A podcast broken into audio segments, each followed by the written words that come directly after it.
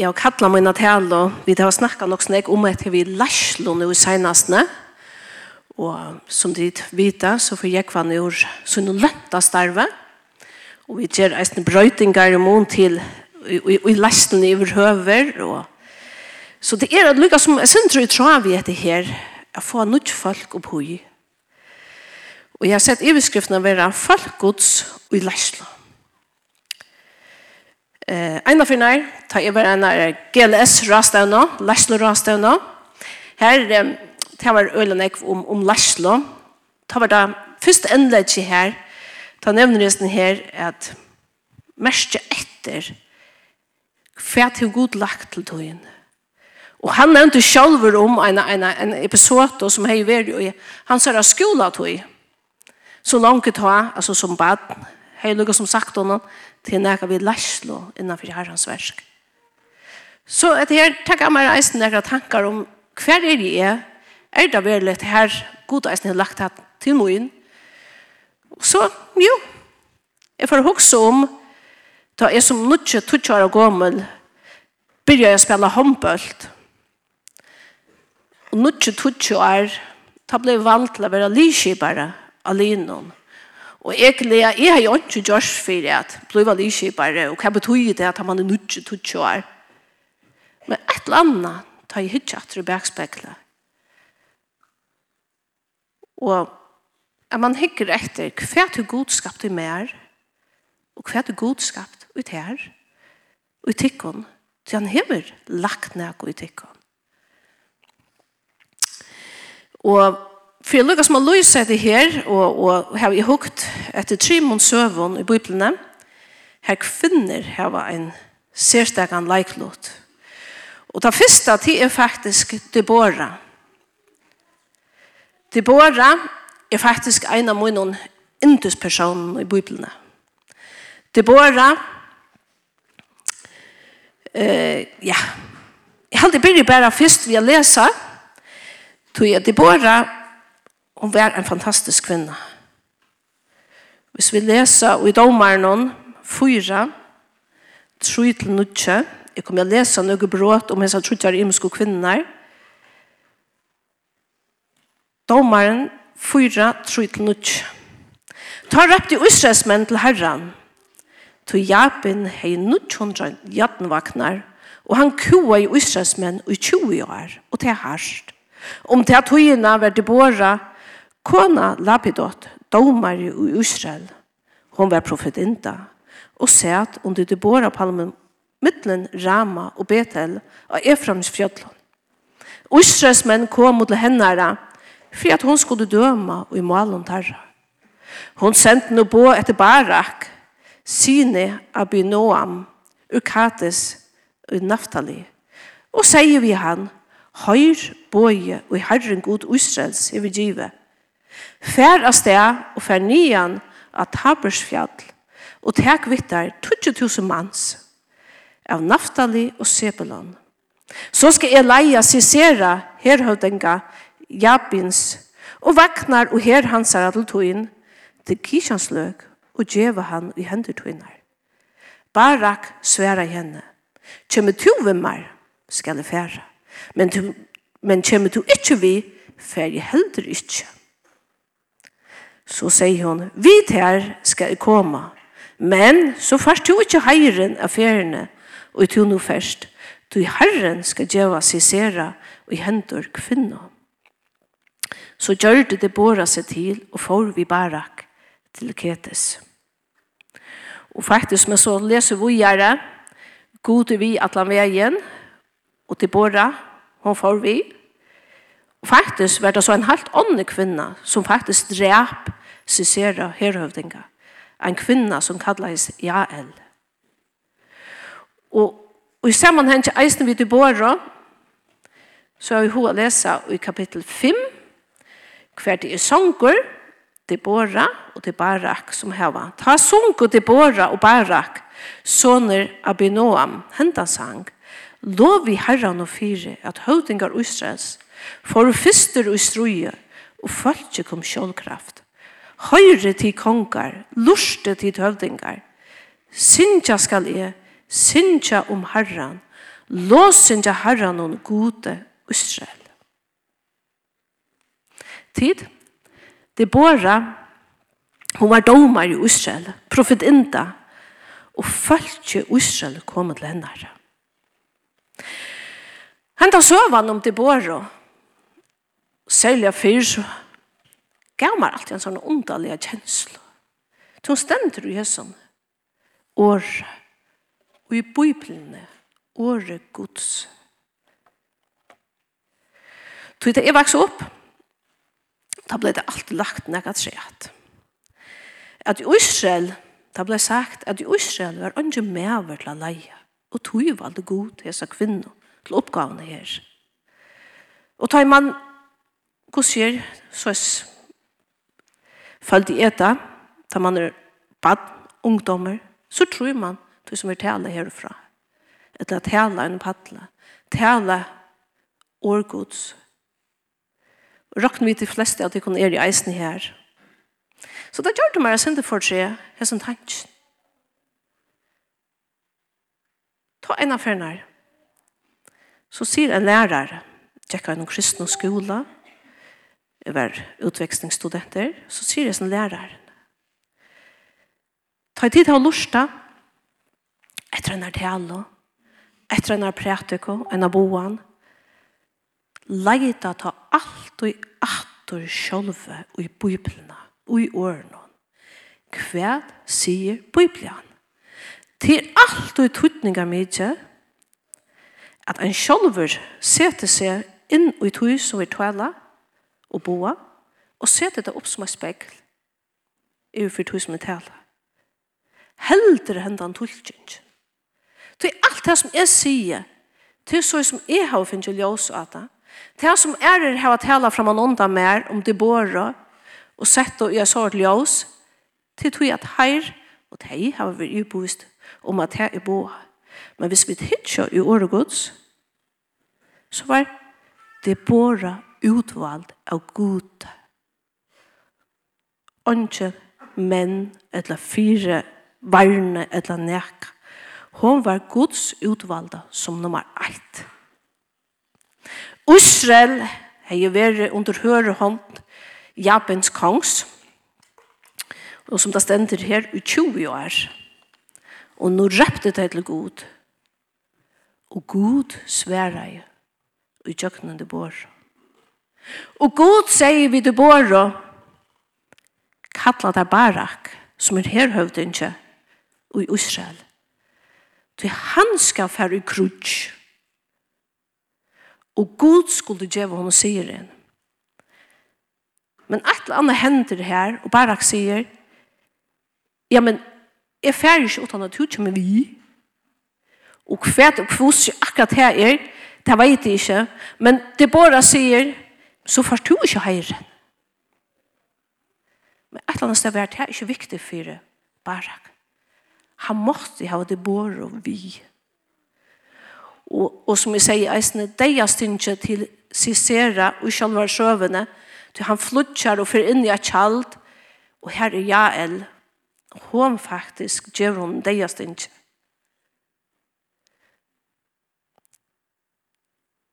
God har valgt det bor.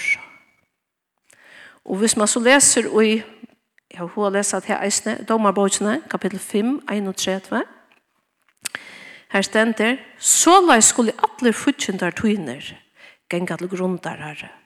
Men tei og elska te skulle vera som solen, tei hun kjem opp og i meg i.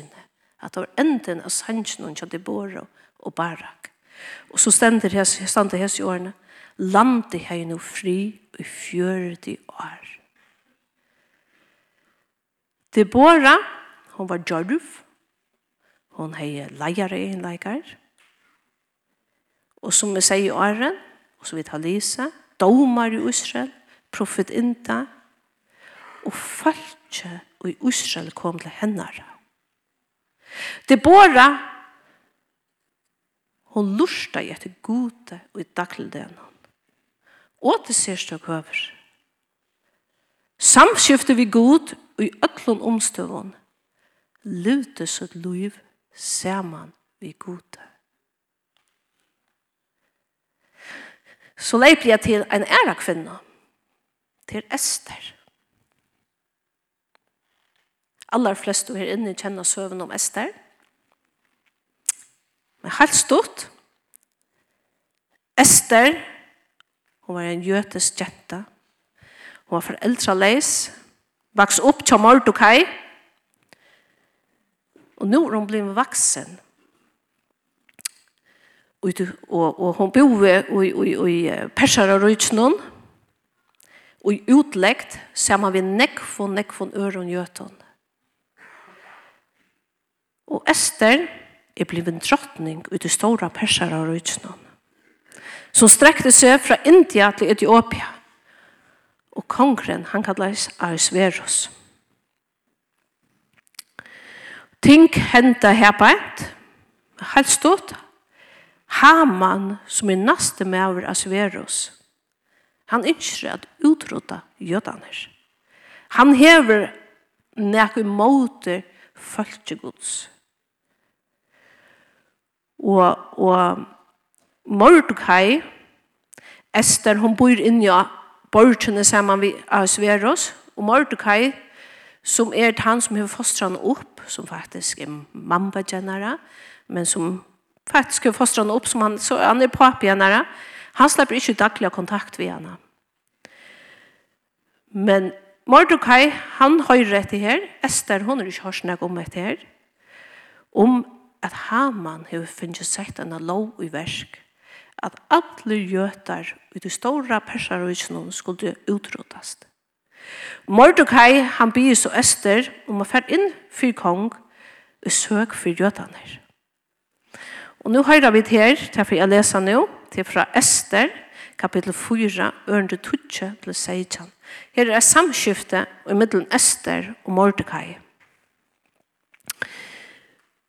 Øster 4, 12 til 16. Ta seg Ester vi Hatak. Hatak er en av, av um, ja, tænar noen som er her til Ester. At han skulle fære til Mordokai og sige, Atler tænare kongs og følte i landsbørten kongs vita, at fer okkur, mævur eller kvinna, inn og hin innare gæren til kong, og bå ikkje hava vært sendt etter honom, så gjelder for ødsluig samalov, at hei skulle leta loiv, utan så er at kongur rattur ut godstavsøyn imot et heimon. Ta sleppa til a liva. Men nu, ut sjuja til det er, har vi ikkje hava ikke bover etter mer og kom inn til kong.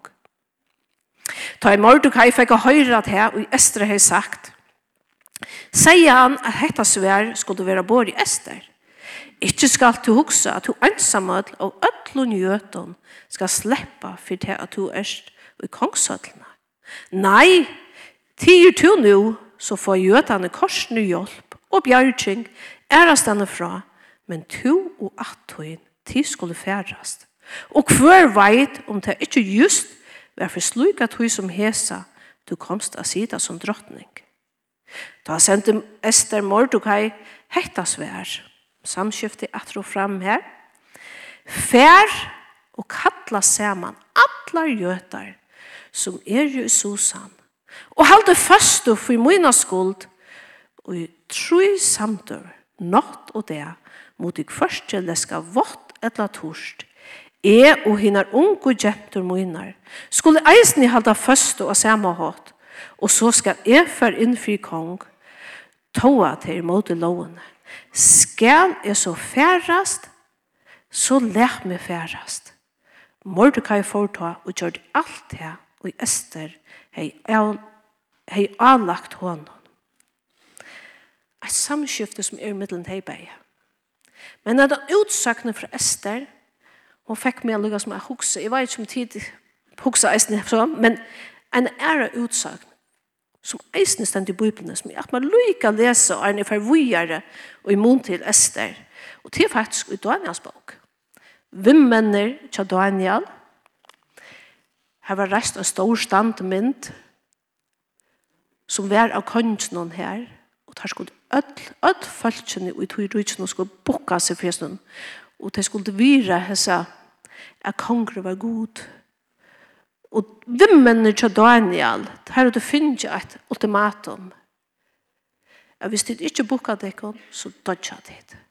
Og at man lykker lese at her sitat i eisene fra tog, Satrak, Mesak og Abednego sverre i kongenon, Nebuchadnezzar, Akko nøydest ikkje sværa her år og på hetta.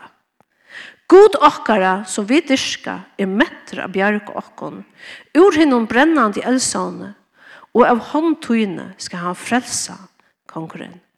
Men om så er at han gjør det ikke, skal du vite kongeren.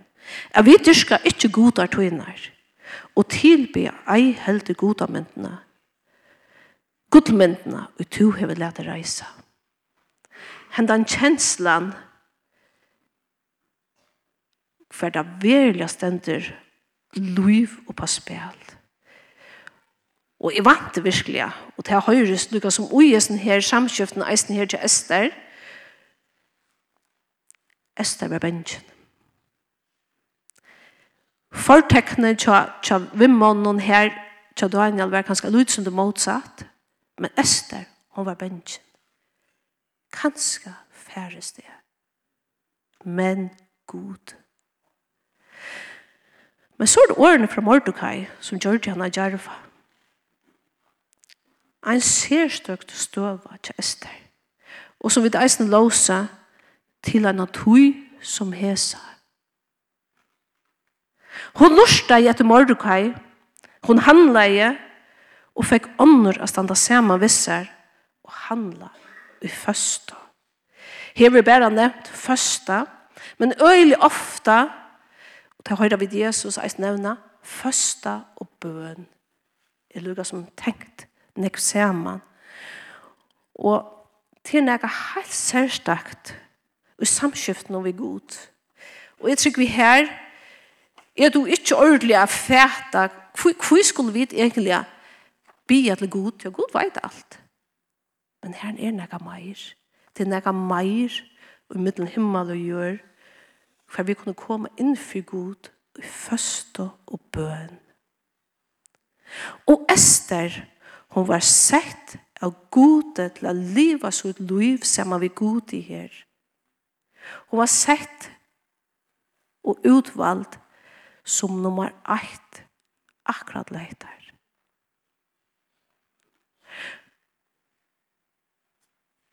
God yngste hana her. Så får jeg leipa til de tre kvinner til Maria. Maria Magdalena. Nu vi kommet nå i Nuttja testament. Hette er Maria Magdalena, så jeg møtt Jesus personlig. Jesus hei utfrujana, og ferreist sammen med Jesus. Og Maria Magdalena, hon er nevnt flere ferner i Jøkken evangelina. Og hon har et helt særstakt forhold til Jesus. Og nå, det som jeg alt mer er nema vi, nå er det til at Jesus, i kjøkkenen, tar togene til fyrre og sammen, så har han nevnt flere fyrne at han får ha dødt.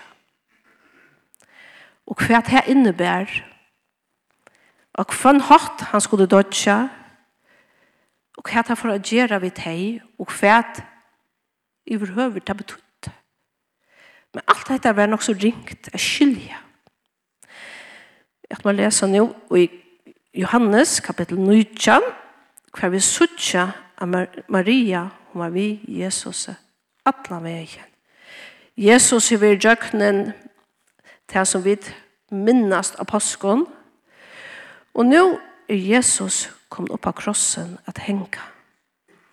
Vi kross Jesus er, etter Johannes 9:25. Vi kross Jesus där stod mor hansara og syster mor hansara. Maria kona Klopas og Maria Magdalena.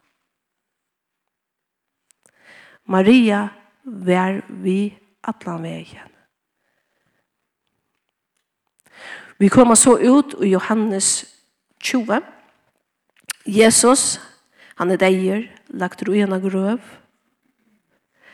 Og Maria, hette her, hun er jo fyrra sammen med Jesus. Og nå, nå er han bare deier. Jeg skylder hette her at han skulle ruse opp etter. Hun er jo hørsta. Og, og som vi sier at jeg er fyra, så som hugsa jo om heter her. För da har jeg haft ett ringt vi at vi har jo fyra evangelister. Og for, vi forteller at det er ikke akkurat det samme om Jesus.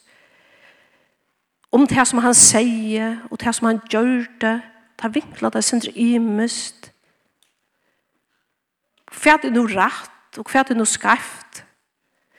Men så man og lukka som blir litt eldre og, og, og, og liv viser noen suger av imensleika så halte jeg faktisk at det er en styrst og jeg vet var fyra evangelister som lyser Jesus.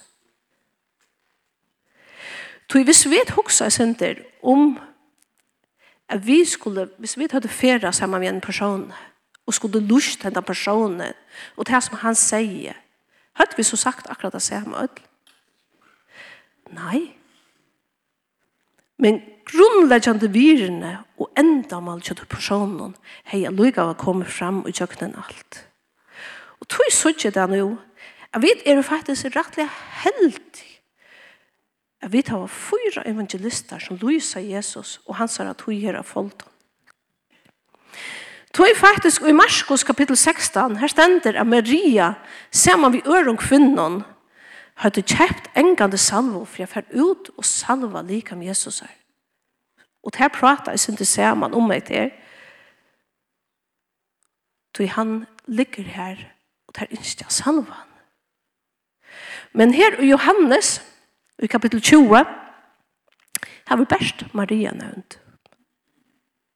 Tui, jeg tykker for Johannes, hevde ikke tøytning for at, at æra kvinner var vi. Ta tøytning av Mikla, ta vært her, at det var Maria som var her. Det er hon som kommer til grøvene, det er hon som ser at steinen er vekk fra munnen. Det er hon som ser at grøven er tom. Det er hon som bor Petere, og hinn og lærersveinen fra meg. Og lærersveinene er, Peter og Johannes tar henne ut til grøvene, og stedfest at det samme. Grøven er tom. Og så at man nemlig å lese her i kapittel 20, ørentene fra 12 til 14 her først. Lærersveinene får ta å til sin kjøls, men Maria stod utenfor ved grøvene og græt. Som hun og græter, bøtter hun seg nyer og hikker inn i grøvene. Hon sa at det var enklar og kvitung klær hun sita. Annan vi høtta leie og annan vi fåta leie. Her som lik ham Jesus er heilig. Der skjøtte vi henne. Kvinna, hvor græte du? Hon sværa i taimon. Tog tar av tid til herra min, og jeg veit ikkje hver her har lagt han. Da hun hetta hei sagt, Vent hun seg og sa Jesus stand til her men hun visste ikke at det var Jesus. Maria, hun være verant. Jeg trykker jeg at hun vil forvirre, kjedd, og jeg synes det hjelper sleis. Hva er nå? Hun tar seg faktisk vidt feir engler. Og hun reagerer, utenfor Jesus, hun reagerer hun ikke en gang på pata. Og så kommer Jesus selv for seg og reagerer stadigvæk ikke på det. Men her er det nemlig at Jesus slipper henne ikke. Tui, hvis vi leser lyd som du vil gjøre, fra 15, Jesus sier vi henne, kvinna, hvor græter du? Hvor leiter du etter? Hun helt av er orstagarsmannen og sier vi han, Herre, hur du bor i han bort, så sier meg, hvert hun lagt han, så skal jeg teka han. Jesus sier vi henne, Maria, ta vent hun seg og sier vi han av hebraiskon, Rabone, til mestere. Jesus sier vi henne, nem ikke vimme, er ikke ennfern opp til feriemoin, nei, fer til brøvermoinar, og sier vi her, at jeg fer opp til feriemoin og ferietikare, til godmoin og godtikare. Maria Magdalena får og sier lærersveinen, jeg har sett herren. Og at han har sagt dette vi henne. Det var Jesus som yngste at åpenbæra seg for Maria. Hon var utvalgt til hese oppgavene. Det var unga mata Maria som leita i seg etter hese oppenbæringene. Nei, det var motsatt.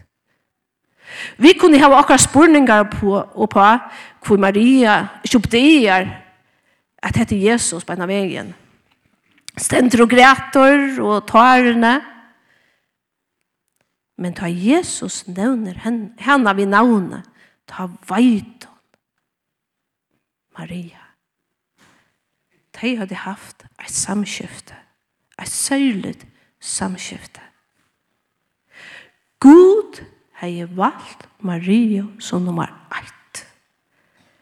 Maria var valgt til å suttje henne oppreisende av Jesus, først av ødlån mennesker, og hun skulle bære det vujere. Trutjar serstakar kvinner i Bibelen. Deborah, Esther og Maria. God hei valgt her til nekka særligar oppgaver i orsdagar i hans her. Og vi kunne ha hoksa kanska, jo, troplar oppgaver, tropol kall, hver er i EU i ødelnesten her. Og bare lite ting som ta i fyrreika med, og Absalom tar skulle leia møte, så sier Absalom vi med, spurte meg lukka som inntil talene, og jeg nevnte at det her blir iveskriftene, folk gods i leislo. Og at her at høvesinnhaldet, at her lukkar som ut fra trim om kvinnon, så sier han, er det så ikke mer høskande å si kvinner i leislo? Og mot svær er, vær og er, nei. Jeg har bare brukt trutja personer i Bibelen. Og hese personene, er valgt og i noen oppgave. Og god, så er som, som nå eisen vi Maria, han, ty, ty, ty, Jesus kunne jo ha åpenbæret seg i åren, men Peter og Johannes eisen var her, men han bor her. Og for jeg lyser, ja, lykke for her. Ja.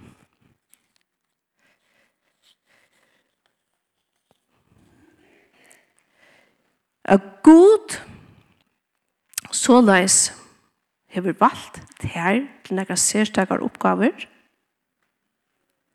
Deborah til domara, profetinda, herførare Folk gods kunne komme til hennara og raføre seg Ester utvalgt til drottning og hei en helt særlig oppgave for innfri kong vekkene alle gjøtaner Og for enda til her søvna, så enda hun godt.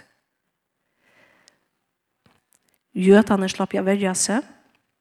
Maria var utvalgt å fylgja Jesus og være den personen som først sa Jesus og skulle bæra det vågjere. Jeg synes det så løs at vi kunne virkelig lære noe av hese som kvinnen. Og som sagt, jeg kunne godt ha en tid helt noen ære personer som har kjent Jesus, hårst og vært en noen kattle lujen, liv og en rekkelig samskifte vi god, så vi kunne suttje som fire døme for åker ekne liv. Men jeg valgte så jeg sa trutjar. Og som i enda vil jeg si at vi ikke kunne ødel Bibelen, hese personene, er nevnt for at vi kunne hitja etter teimån. Og nekver, nekver er personer er nevnt i Bibelen. God heiter og kvinner og menn til sutt versk. Så lusta, kjenn, les, og i hesen året, og ta du vil byen til ekk først, seta opp, og høyrer akkurst, seta opp imot i Bibelene, heldre etter, Og ta i du så vi føler at det til et kvart ordstakere i herrens. til god utveldelser, kvinner og menn. Så, min sørste spørning til åkken ødel, vil jeg vi trakke inn i oppgavene eins og Deborah, Esther og Maria Kjørto. Amen.